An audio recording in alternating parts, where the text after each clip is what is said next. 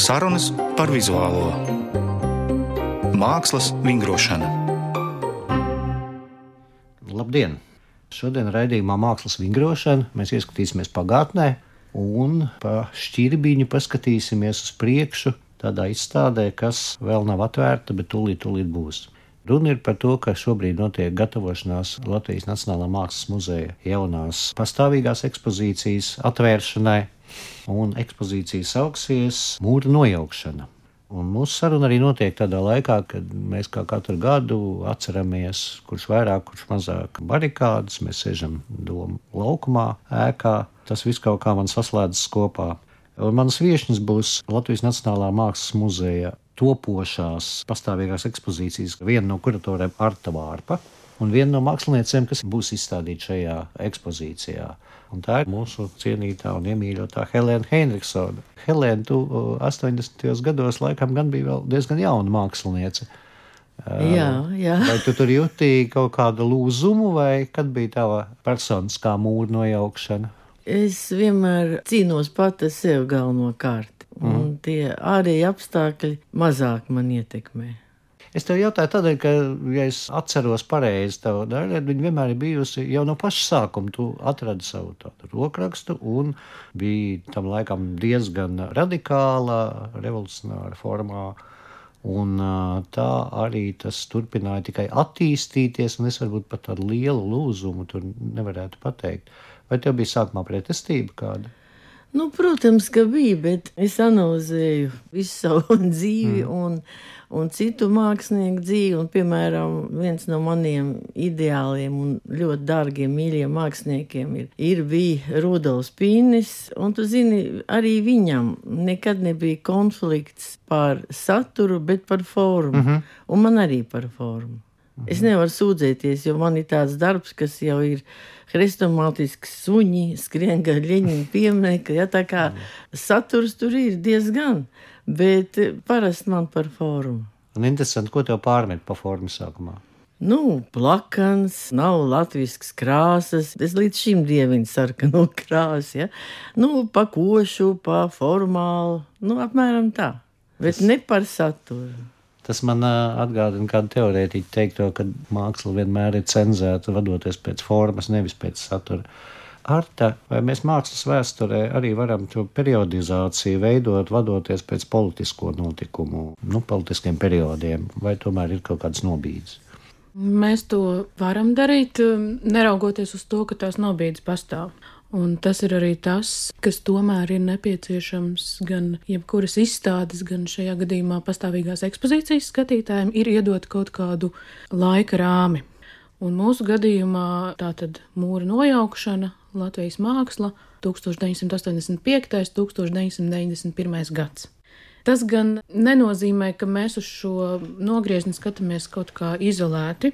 Mums ir pat atsevišķi divi darbi, kas ir tapuši vēl pirms 85. gada, un mēs to Aha. arī akcentējam izstādē, ka šis periods drīzāk ir izvēlēts tieši politisko notikumu kontekstā, sākot ar Gorbačova pasludināto atklātības un pārbūves politiku līdz 1991. gadam, līdz 4. maijam, kad tiek nobalsots par Latvijas Republikas neatkarības atjaunošanu. Bet, protams, ka arī šos impulsus lielai daļai to mākslinieku, kuri būs pārstāvēti šajā ekspozīcijā, sagatavoja jau iepriekšējā paudze ar tādu savu politiski arī neangažēto mākslu. Un eh, tur, eh, man liekas, nav tik būtiski uzstādīt tādus chronoloģiskus ierobežojumus. Nu, droši vien tā kā Helēna minēja, ka Rudolfs Pīnis bija jau kādu, un tad tu, Helēna, bet, Mūžu, teiksim, Bet uh, Rudolfs Pīns te droši vien bija autoritāte jau. Bet pret ko bija tavs protests? Vienmēr tādas pārmaiņas sabiedrībā tas notiek tādēļ, ka kaut kas ir, kā saka, apnicis līdz brošai. Nu, protests, tā žūrijas, komisijas, tādi visādi ieteikumi, kas skanēja arī tur Mākslinieku savienībā vai kādreiz no kongresa Mākslinieku savienības tribīnēm. Ja? Nu, tas, protams, ka garlaiko šausmīgi. Nu, arī tas, ka nepieņēma izstādēs, bet. Tev bija tādi gadījumi? Nu, sākumā jā, sākumā jā, es jau domāju, Tad bija 70. gadu līdz 70. Jā. vidum. Jā, es skrienu mājās, atkal man tāds kauns, es nesu savu darbiņu tur no muzeja parasti, tad es iemācījos nerakstīt. Bija modē uz darba parakstīt, uz darba vīrs un gads. Un tad es sapratu, ka man noteikti nevajag rakstīt gada, jo tie darbi nu, būs tā kā novecojuši. Nepieņem, nepieņem, bet tas ir ļoti. À, to ar vienu un to pašu darbu? Nē, nē, nē nu, bet tas, ka saproti, nu, mājās tur krājās veci darbi. Bet, eh, protams, es iemācījos un saku paldies, ka jaunam māksliniekam uzreiz nedod naudu. Maskava līgums ar Maskavu ļoti liela nauda. Tā bija. Gan arī varēja mašīnu nopirkt, bet nu, nebija jau tās mašīnas, bet tas tā. Bet tas ir e, ļoti postoši personības attīstībai. Kā? Liela nauda jaunībā. Nu, kā savādāk? es domāju, ka tagad jaunieši jau nepiekrist visu. Nē, tas ir savādāk. Tagad tu esi pilnīgi e, brīvs, bet toreiz nu, līgums. Ja? Nu, tas ir Maskavas līgums. Tas ir īpaši skaitījās vērtīgs. Ja? Nu, vienalga tas ierobežots. Tu domā, ka tas tev tas sasietu kaut kā nu, protams, nu, tur nav šaubu. Protams. Vēlāk jau bija citi līgumi, piemēram, vai tik tie suņi arī gar pieminiektu Ļeņina arī līgums tas bija. Un man bija arī līgums veltījums vecām aizmirstām lauku kapsētām, kur bija centrā Kristus ar nodauzītiem pirkstiem. Un tas bija nu, fonda, mākslas fonda līgums. Bet ne uzreiz, kamēr to es tikko beidzu akadēmiju. Mm -hmm. Nu, varbūt es kļūdos, kā nu kuram. Mm -hmm. Man varbūt varēja nopirkt. Bet labi, ka tas nenotika. Redziet, es atceros, ka tad, kad eh, Laikmatīgās mākslas centrs rīkoja izstādi robežu pārkāpēju, tad viens no tādiem pat populāriem iebildumiem vai argumentiem bija, ka Tas bija pa 90. gadu mākslu faktiski. Ka, nu jā, bet visas robežas jau bija pārkāptas jau 80. gados, tātad eh, šajā perestroikas vai pārbūves laikā. Nu, tā ka vienmēr viss ir bijis tik vaļā un brīvs, es laikam varbūt nepiekrīstu. Tā pārbūve, ko izdarīja mākslas vidē.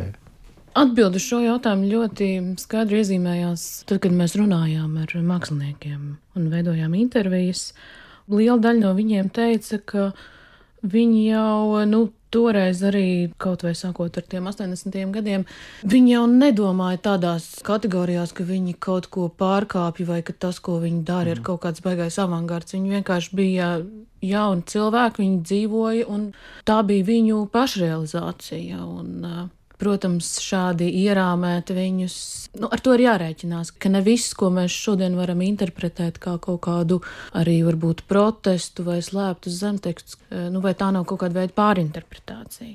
Bet eh, to mēs arī paturējām eh, prātā šo ekspozīciju veidojot, jo viņi nav politiski. Protams, ka tas ir par mākslu, ne par Gorbačovu pārbūvi, ne par 91. gadu vai par barikādēm. Tas ir par mākslas procesiem un par to, ka tomēr šis ir laiks, kad um, mēs varam runāt par tādu spēcīgu avangarda ienākšanu ar Jā, ar to, kas ir tajā 2005. gada lielajā projektā robežu pārkāpēji, arī nodefinēts kā robežu pārkāpēji, kas jau tagad ir arī nu, iegājies tādā valodā, šī robežu pārkāpēja paudze. No tā nevar izvairīties. Tomēr man jāsaka, ka citās mākslās, nu, vai viegli būt jaunam filmam, vai ir kaut kādi šie lūzumi, un, un jā, tiešām pārbūve ar, ar kaut ko iezīmējas. Vizuālajā mākslā droši vien tā ir slavenā izstāde Daba vidu cilvēks. Bet tad man jāatzīmē, ka tā arī jau bija desmit gadus iepriekš iecerēta. Viņa ļoti ilgi tapa. Un varbūt Helēnai jautājums par nākamo, un kas tad mainījās, teiksim, šī perioda beigās, tad, kad bija tās neatkarības kustības sākās, kad jau gaisā jūta un cilvēki aktivizējās, vai tas uz tevi arī atstāja iespēju? Nu, protams, mums vienam ģimenē vienmēr pirmais bija grāmatas, ja? Un grāmatas jau varēja nopirkt antikvariātā, un tā kā mēs kaut ko zinājām. Nu, man svarīgākais, ka mēs varējām normāli izbraukt no valsts, un apmeklēt muzejus un nokļūt Ņujorkā. Tas ir tāda bija laimes sajūta, ka tu ej pa Brooklynas tiltu, vienkārši tev pieder viss pasaule. Bet un tas bija jau vēl uh, 80. beigas. 9. man liekas, jā, ka tā mūsu grupa tika uz Ņujorku. Uh -huh. Kas tā bija par grupu? tāds uh, Hamkins, Jā. un viņš savāds toreiz vienkārši laimējās. Kaut kā viņš tika, vai tas bija, bija televīzijā, tāda ekspozīcija. Kaut kā daži pat netika, ja, bet kaut gan bija arī paredzēta. Nebija tā cilvēku skaits, cilvēku ierobežots. Ja. Bet bija kaut kādi, nu, nu viens nav pēkšņi Rīgā, vai es atceros, kā Ivars Muižuls, viņš nevarēja dabūt uz eksportēšanu, kad transportēja tos darbus, viņš nevarēja dabūt no televīzijas ārā savus darbus. Vienkārši tāda nejaušība, un tā viņa vēl tagad tur stāv. Es tiešām. Es nezinu, vai viņš ir starp dzīvajiem. Tā kā daudz arī bija nejaušība, bet, nu, laime bija neaprakstāma. Tā kā tu redzi visus oriģinālus, tu redzi tagad uh, Rotko, kas jau tagad mums kaut ko nozīmē vairāk Latvijā, un nu, tu stāv pie Rotko, un tas nav brīnums, tā nav grāmata atvērta. Es tā to uzturu. Mm -hmm. nu, mēs arī varam. Ja? Ka tu esi brīvs, un kā tu glezno, tas jau ir tavā ziņā. Vai tas tev ietekmē, vai tu mācies no tā, vai apskaties. Tas bija galvenais. Arta, man te jājautā, un kur šajā periodā tad sākas, nu, ja mēs par mākslu runājam, tās neatkarības idejas, brīvās Latvijas, sistēmas maiņas idejas, kā viņas izpaužas? Man atkal jāatgriež pie tās topošās ekspozīcijas, jo tas bija drusku problemātiski. ekspozīcija beidzas, ar... Uh, Ekspozīcija beidzas ar 91. atjauno, gadu. Jā, Jā. atjaunošanu valsts. Jā, un, protams, ka mūsu mērķis nebija meklēt, un, protams, tas resurss ir mākslas muzeja kolekcija, un tātad tas, kā mēs to interpretējam. Mm. Mūsu mērķis nebija meklēt ļoti tiešus brīvības alku vēstījumus. Mm -hmm. Viņi tur varbūt kaut kur ir saskatāmi, bet man liekas, māksliniekiem pašiem jau arī bija diezgan tāda liela pretestība pret kaut kādiem tādiem virspusēji patriotiskiem Jā, žestiem un, un tādu savu veidu, varbūt to tautiskuma uzplaukumu. Un, uh, tas noteikti nav tas, kas bija būtiski tiem autoriem, tiem darbiem, kurus mēs redzēsim ekspozīcijā, kad tā tiks atvērta februāra sākumā. Bet tas brīvības gars un slodze, viņš drīzāk izpaužas tajā, ko mēs saucam par ezopu valodu un kaut kādiem aizplīvorotiem, bet diezgan tiešiem vēstījumiem bieži vien ar mitoloģijas palīdzību. Mm -hmm. nu, ar to, ko es ticu, studējot akadēmijā, lasot literatūru, tas, ar ko tu dzīvo, tas ir arī tas, kādā valodā mm -hmm. tu runā arī kā mākslinieks. Un tur, protams, kaut kur parādās arī nacionālās identitātes jautājumi, vai drīzāk pat kaut kādas atsauces uz rietumu mākslu. Nu, viss tā neoekspresionisma, dramatiskā piesātinātība un šī tāda brutalitāte. Es kaut kā tā.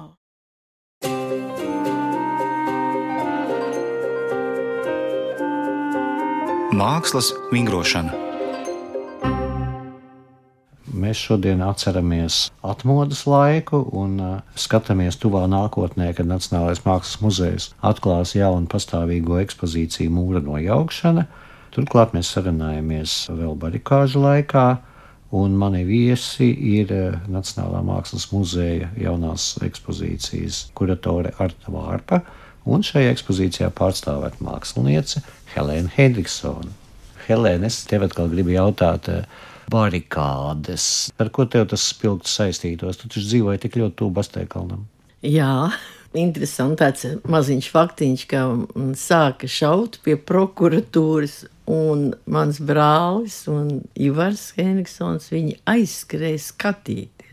Un viņas mierīgi varēja arī uh -huh. nošaut. Tas bija tāds brīnums, ka tiešām tur lodes un skaņa tā, bet mūsu ģimene visa mēs bijām gan televīzijā, gan iznēstājām kafijas termosus, pīrādziņus pa vecerīgu, un man bija tāda sajūta, es atveru logu, un nāk ugunskurs smarža no vecerīgas. Un man tāda drošības sajūta, es esmu ļoti bailīga. Vakarā man vienmēr bailes ir staigāt, bet, zini, tev likās, ka nu, mans dzīvoklis ir tā kā pilsēta, ka pilsēta ir mans dzīvoklis. Tā bija fantastiska sajūta. Un man ir divi mazi darbiņi, saucās Salūta gaismā. Salūtie brīži, ja, kad visi ir kopā, tu esi ārkārtīgi pacilāts. Tev liekas, ka tu esi kopā to salūtu. Un tad, kad viņš nodziest, katrs paliek pa vienam, skrien uz autobusu, tramvaju, mašīnu, uz mājām. Un man tā nīs glaznās nevis cilvēki, bet galvaskausi. Un ir, protams, labi, ka to ir jāatkārto un bērniem jāzina, bet man ārkārtīgi šķiet nožēlojami, ka dažām labām, es nerunāšu par tiem, kas atved savus mašīnas no laukiem, ja? tas bija tiešām varoņdarbs. Bet tādas žurnālistes vai kādi rakstnieki, vai kā ka viņi to uzsver, tas ir mans augstākais dzīves punkts. Nožēlojami. Es tagad nācu uz rādio, un ko es lasu? Milzu plakāts. Mātei Latvijai visi bērni vienādi. Un tas ir smieklīgi. Kur vajadzētu pie saimnes to nolikt? Lai viņi kaut kā atjēdzās. Nu, traks lietas tagad notiek. Un mēs tikai slavinam barikādas. Vajag attiekties, paskatīties, kas tagad notiek. Kā iet cilvēkiem? Nu tā. Es tieši ar par tiem, ko tu iesāki. Man šķiet, ka tieši 90. gada sākums vairāk atnesa tādu nacionālo pat ne tematiku, es teiktu, bet atribūtiku. Visi šī ausekļi, tās sarkanbaltas, sarkanās nu, laukumu līniju krāsas, tie salikumi, kas turpinās līdz pat šai dienai. Tomēr man liekas, ka 80. gadu tā mākslas mainītāju paudze neturēja to par labu stilu. Tieši tā. Mums, piemēram, um, būs arī tāda neliela izlase ar um, žurnāliem avots, gan ar vākiem, gan ar atvērumiem, jo tos tajā laikā veidoja ļoti spēcīgi tā arī tā mākslinieckā redakcija. Tagad, lasot, un mēs, kas veidojam šo ekspozīciju, esam 30 gadnieku paudze, kas to laiku tikai dzima vai uh -huh. tikko dzimuši. Arī pašos žurnālos un redaktoru rakstos parādās, nu, ka viņi ļoti nevēlas pievienoties tam pamatstraumē. E, jā, jā, tam dekoratīvajam tautiskumam. savu, bet, es aizmirsu precīzi to jā. nosaukumu. Nesen arī Gunārs Godiņš par to stāstīja vienā lekcijā tieši par žurnālu avots. Un tas, man liekas, arī ļoti redzams būs ekspozīcijā Latvijā. Un, protams, ka tie ir arī tādi nerekonstruējami notikumi, kurus mēs cenšamies parādīt, kur mm. drīzāk patiešām ir um, tas, kas to mākslas vidi izmainīja. Gan jau minētā izstāde dabvida cilvēks, no kuras mēs varam parādīt dokumentāras liecības, fotografijas, gan Rīga Latviešu avangards, izstāde Rietumberlīnē, tad Latvija 20. gadsimta kūlenis, mākslas dienu akcijas, taburek bērni, cilvēku būros mēs nevaram rekonstruēt telpiski, un droši vien nav arī vairs tādas vajadzības to darīt. Mm, priekšmetiski. Tieši tā, un arī viss, tas arī, mm. protams, iezīmē laikmatīgās mākslas saglabāšanas problēmas. Bet mums ir eh, šī dokumentācija un liecības, un caur to arī patiešām ir redzams, cik ļoti drosmīgi un avangardiski bija šie notikumi. Tiešām, kas apvērsa šo arī tīri mākslas vidē, un ka mākslinieki nebija tādi reaģētāji, bet ka viņi bija to pārmaiņu daļa. Viņi ir mākslinieks arī ir sabiedrība, mm -hmm. un ka mhm. viņi ar savu aktīvu, radošu rīcību piedalās tajā procesā. Kaut kā arī akumulējot to drosmi un, un to kolektīvo noskaņojumu sabiedrībā. Man atkal jājautā Helēnai, kaut gan es teicu, ka tu maz esi mainījusies dzīves laikā, es varbūt pārspīlēju. Tomēr skaidrs, ka tas periods no 85. gada līdz 91. ka bija ļoti piesātināts un daudz ko mainīja. Un kas tavuprāt mainījās? Kas pazuda un kas radās? Nu, jau tā kā pieminētās mākslas dienas, mēs vienmēr tur ļoti jā, piedalījāmies. Piemēram. Jā, nu, tas ir fantastiski. Vienkārši cilvēki, tie, kas neiet uz izstādēm, uz muzejiem, nu, tad viņi iet uz laukumiem. Un, kad es atceros, nākot šurp uz radio, Doma laukums ir tukšs, noputējis, tā kā būtu kaut kāds kara laika apstākļi. Un toreiz, ak, Dievs, pilns laukums, tur instalācijas, tur naivi gleznas uz molbertiem, pie sienām. Tā bija kaut kādi milzu tādi audumi. Nu, tā kā Visi mēs tur piedalījāmies. Dzēnieki, kaut kāds baigā kravas auto un uz tā stāv Monta Kromo un Viktors Savotiņš un kas tik tur, nu, fantastiski. Ja? Uh -huh. Bet, nu, viss kādreiz beidzās un vajadzētu kaut kam citam sākties. Un par avotu runājot, vienīgais žurnāls, kas mums mājā nav izmests, un tā kā Sarmīta Māliņa bija mana svaine to laiku, un viņš jau tapa mhm. vizuālais tēls mūsu dzīvoklī. Tas bija fantastiski. Avots, tas mhm. bija ļoti žēl, ka viņš tā vienkārši izbeidzās, un tam nevajadzēja notikt. Un kas pavērās, teiksim, tu minēji šīs ārzemju ceļojumu iespējas, arī izstādīšanās iespējas. Jā, nu, nu, protams, nu, sākumā vēl caur Mākslinieku savienību bija izstādes, bet pilnīgi nekomerciāls. Un tad arī radās mākslas galerijas arī daudziem cilvēkiem, nu, vecākiem vai netik ražīgiem, viņiem bija divas iespējas galvenās - rudens un pavasara izstāde, un vēl bija tematiskās. Un vēl no katras izstādes taču pirka obligāti. Bija tā nauda jāizpērk, kas bija piešķirta ministrijai vai fondam. Un tad, kad tā kā mazinājās mākslinieku savienības loma, Jā. jo Maskavais nedēļa naudu, bija viss atsevišķi, un tad tas viss iznīka. Tika izsaimniekots, pārdots, jahtas, mašīnas, viss kaut kas beidzās. Daudzi cilvēki palika ārpus, jo ne katrs var atrast savu galeriju. Vienkārši ar personāla izstādēm, nu, arī diezgan smagi. Ja. Man, piemēram, patiktos, ja būtu kaut kādas grupas izstādes, un tas ir interesanti. Nu, lai arī galerijās, bet, nu, tik daudz galerijas pēdējos gados ir aizvērušās. Un tas ir ļoti traģiski. Bet tā ir visā pasaulē. Nu nu, it kā Lietuvā, Mākslinieku savienībā un tā kā kultūras ministrija atbalstot privātās galerijas. Tā stāsta ļaudis. Es nezinu, vai tas tā ir vai nav, bet tur vairāk. Nu, pirmkārt, jau sabiedrība atbalsta ar saviem aciņiem, iegādājoties savus darbus. Nu, labi, es pateikšu, man bija 3. novembrī XO galerijā, man bija Jā. izstāde kopā ar Igauņu. Vienkārši brīnišķīgu mākslinieku Marko Mainu. Tad septembra beigās viņš zvana uz galeriju vadītāju un saka, ārprāt, man ir pilnīgi kaut kas jātaisa cits, jo visi darbi ir nopirkti. Man ir tukša darbnīca. Un vēl mūsu draugiem, Igauniem. Un pircēji ir paši Igauni. Bet kāpēc tā nav Latvijā? Nezinu. Arta, mēs ar tevi ierunājāmies jau par to, ka izstādē būs arī dokumentācijas, jo to fizisko artefaktu nemaz tik daudz nav. Un tiešām par mākslas saglabāšanas jautājumu 80. gadu beigas faktiski ir arī pēdējais laiks, kad pietiekami intensīvi mākslas darbi tika iegādāti gan muzeja, gan mākslinieku savienības kolekcijās. Veidojot izstādi, tas tomēr nosaka, kas ir pieejams un kas vairs nav pieejams. Vai jūs mēģināt kaut kā arheoloģēt tur eh, pilnīgi no driskām? Mēs mēģinām visādi, bet arī ļoti ierobežotas iepirkuma iespējas 90. Jā. gados, kas vienkārši saistās ar toreiz valdošo nabadzību. Protams, tas rada problēmas izstāžu un ekspozīciju veidošanā. Un mums ir uh, mākslinieki, kas tādēļ ir um, vājāk pārstāvēti. Iespēja, protams, ir deponēt no citām institūcijām, vai uh, vienmēr ir uh, svarīgi arī skatīties, vai māksliniekam, līdzīgi kā mēs arī Helēnas darbu deponējam šobrīd mm -hmm. izstādē, jo tas bija atklājums patiesībā. Viņas glezna daļslidotājs, kas būs skatām ekspozīcijā, darbu atlasē un izvērtēšanā mums ir jāstrādā ar to, kas ir.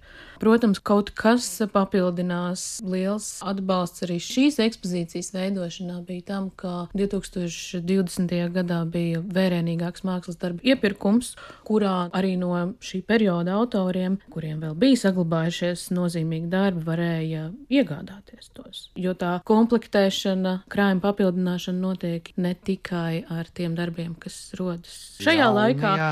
bet ir svarīgi paskatīties, vai vēl mēs varam iegūt pirms 20, pirms 30 gadiem tapušus hrestomātiskus darbus. Bet, jā, ja tas attiecas uz instalācijām, kādiem procesuāliem mākslas darbiem, tad tas nereti ir apgrūtinoši tieši tādēļ, ka viņi tapa no neilgtspējīgiem materiāliem, vai viņi vispār tapa bez mērķa, ka tie ir paliekošos materiālos, bet arī šajā ekspozīcijā mums tomēr būs pāris vērienīgas instalācijas. Savu ekspozīcijas dzīvi turpinās Andra Breža zemes saimnieki, mm. kas bija arī iepriekšējā ekspozīcijas versijā, bet no to pašā Latvijas laikmatīgās mākslas muzeja krājuma būs Jūra Putrāma instalācija.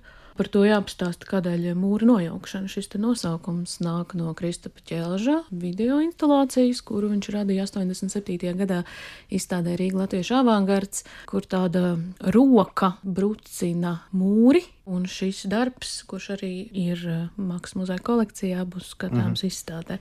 Tad ap šo te mūra nojaukšanas svarīgumu centrējas mūsu nosaukums. Helēna, tad īsi izstāsti, kas tad tajā tavā gleznā tur ir attēlots? Tas ir mans vienīgais apzināti politiskais darbs. Radās viņš ļoti no sirds un spontāni, jo es jau līdz šai baltai dienai ienīstu daļslidošanu. Es iztēlojos tos baisos televizorus, kā mēs skatījāmies melnu baltus.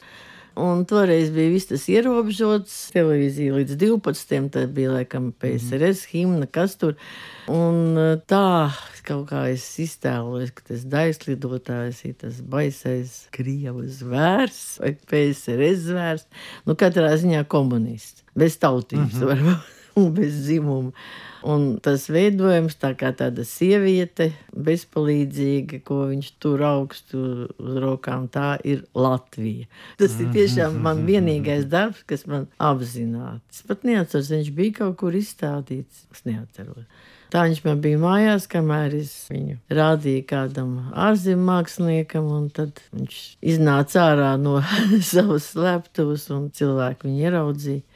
Es esmu ļoti priecīga un lepna, ka viņš tur būs. Vienkārši neticami. Bet es nepavisam negribētu mūsu sarunu nobeigt uz tādas nots, ka toreiz bija šajā 85. un 91. gadā, tad tik bija, un pēc tam vairs nebija kaut kas labs. Ir tāds viedoklis, kāda? Nē, man būs tas sanāk mazliet tāda intonācija, un, un tā nav bez pamata, jo patiešām daudz kas no tās mākslas dzīves struktūrētības izjūka 90. gadi bija ļoti postoši, maz kas no tā saglabājies. Ir nabadzība un tas viss, ko mēs minējām. Bet kādi tomēr ir tie ieguvumi? Un arī negribētu tos laikus kaut kā idealizēt, taču, Dievs, kā mēs visi dzīvojām, Helēna, man liekas, tagad dzīvo labāk nekā to laiku. Nu jā, es dzīvoju vienā Lai gan tajā pašā milzīgā dzīvoklī vieni paši, kur cilvēki ir aizgājuši vai miruši. Katrā istabā bija kāds, jā, un tagad mēs lieliski, lieliski. Zini, Es tev pateikšu, māksla saistās tik ļoti arī tomēr ar sadzīvi. Kaut gan es ticu, ka var gleznot, es nezinu, vienā kvadrātmetrā. Bet lielākais cilvēkiem pāri darījums no padomu laikiem bija tā komunālā sadzīve. Mm -hmm. Tas bija šausmīgāk kā netikt uz ārzemēm. Jo tas eh, cilvēkus nu, vienkārši arī demoralizē. Tas mm -hmm. bija ļoti šausmīgi. Dzīvot vienalga vai vecākiem vai kādiem svešiem cilvēkiem, tas bija šausmīgi. Mm -hmm. Tagad viss vienkārši cilvēki ļoti jaudīgi strādā, bet grūti parādīt to. Nu, kur tu tā apskatīsies? Labi, galerijas, galerijas arī maz, nu kaut kā pietrūkst tās vietas, kur aiziet un sajūsmināties, ko tavu kolēģi dara. Helēna uzvedināja uz pēdējo jautājumu, un tas jautājums arī ir tik paredzams. Šī tātad izstāde būs atvērta Nacionālā mākslas muzeja Rozentāla laukumā ēkā, otrais stāvs, tā kas kādreiz bija pazīstama kā Baltā zāle ar papildus zālēm. Vai jūs domājat par šo ekspozīciju arī kā nēsošā laikmatīgās mākslas muzeja aizstājēji vai pagaidu aizvietotāji? Šāda viena ekspozīcija tā nevar ne aizstāt, ne pagaidus aizvietot milzīgo trūkumu, ka nav laikmatīgās mākslas muzeja. Un arī to, ka arsenāls ir ilgstošā rekonstrukcijā, un tas uzliek tādu lielu atbildību un it kā tādu uzdevumu izdarīt neiespējamo. Mums muzejā ir pastāvīgā ekspozīcija mūsu mākslas klasikai, ar izstāžu ciklu paudze, kas ir savu veidu izlīdzēšanās. Mēs mēģinam nosekt un parādīt to paudzi, kas arī ir nu jau klasiķi, Pēckara, jā. jā, pēckara klasiķi. Un šī ekspozīcija, kas nāk pēc diezgan ilgu laiku, arī līdzīgu periodu, bet garāku, pārstāvēja tātad ekspozīcija, ko atvēra līdz ar muzeja rekonstrukciju uh -huh. no 16. gada līdz pat 2022. Ļoti ilgs laiks šādai ekspozīcijai. Un tad kā to nākamo versiju veidot tā, lai viņi izpilda visas šīs te gaidas un vajadzības redzēt laikmatīgo mākslu, parādīt konkrētu periodu, šīs paudzes, reprezentēt kolekciju, visas šīs Virzienus, funkcijas, virzienus, stilus, notikumus, kaut kādu kontekstu ar eh, kolēģiem eh, rietumos un tam līdzīgi. Tas ir nu, neizpildāms uzdevums. Tāpēc arī tas mūsu risinājums paņemt ļoti ierobežotu šo laika posmu, bet tad arī tajā ietilpināt ļoti dažādus mākslas mēdījus. Šeit būs mazāka glezniecības dominance kā iepriekšējā versijā, ekspozīcijā mēs liekam klāt fotografiju, kas varbūt vistiešāk pieskaras politiskajiem, sabiedriskajiem notikumiem, instalāciju, Hardī Lediņa un NSRD šo te audiovizuālo mākslas darbu. Paskatāmies arī uz plakātu tajā laikā un pat uz modi, kas ļoti, ļoti tiešā veidā nevis pievērsās šim tādam jaunajam tautiskajam romantismam, bet izmantoja tos sajurstošā padomju režīmu saukļus un viņus apvēršot, patiesībā pauda ļoti kritiskus vēstījumus. Arī tieši internacionālo stilu varētu Jā, teikt. nu, to visu iespiest šajā telpā, un arī tā, lai tas nebūtu iespiests, bet lai mēs varētu parādīt to vislabākajā veidā, kur mums arī izstādes mākslinieks Dāča Džeriņa ļoti daudz tā labā dara. Nu, tas ir ļoti, ļoti daudz. Mēs mēģinājām arī sev neuzlikt neizpildām uzdevumu. Es jums novēlu veiksmi pēdējos metros. Sekojiet, lūdzu, līdzi, kad šī ekspozīcija drīzumā tiks atvērta. Helēna, es saprotu, ir viena no šīm samazinātā gleznotāja korpusa, kas tomēr ir iesprukusi Iefiltrējusi. mūsu jaunajā mākslas vēstures versijā. Jā, Helēna, varbūt kaut kāds tavs novēlējums, kā cilvēkiem uz šo periodu skatīties. Protams, daudz atcerēsies, bet daudz būs tikai pirmo reizi kaut ko tādu redzējuši. Tā kā to izbaudīt un iedziļināties. Domāju, tā būs ļoti laba māksla arī. Ne tikai labi izstādoja atlases, bet tā ir laba starptautiskas klases māksla. Paldies! Gaidīsim! Paldies manām viesņām! Studijā bija Arta Vārpa, Nacionālā mākslas muzeja jaunās pastāvīgās ekspozīcijas viena no kuratoriem, un uh, Helēna Henriksone, glaznotāja. Radījumu vadīja es Vilnis Vējš, radījuma producenti Ieva Zeidmane. Raidījums tapis ar valsts kultūra kapitāla fonda atbalstu.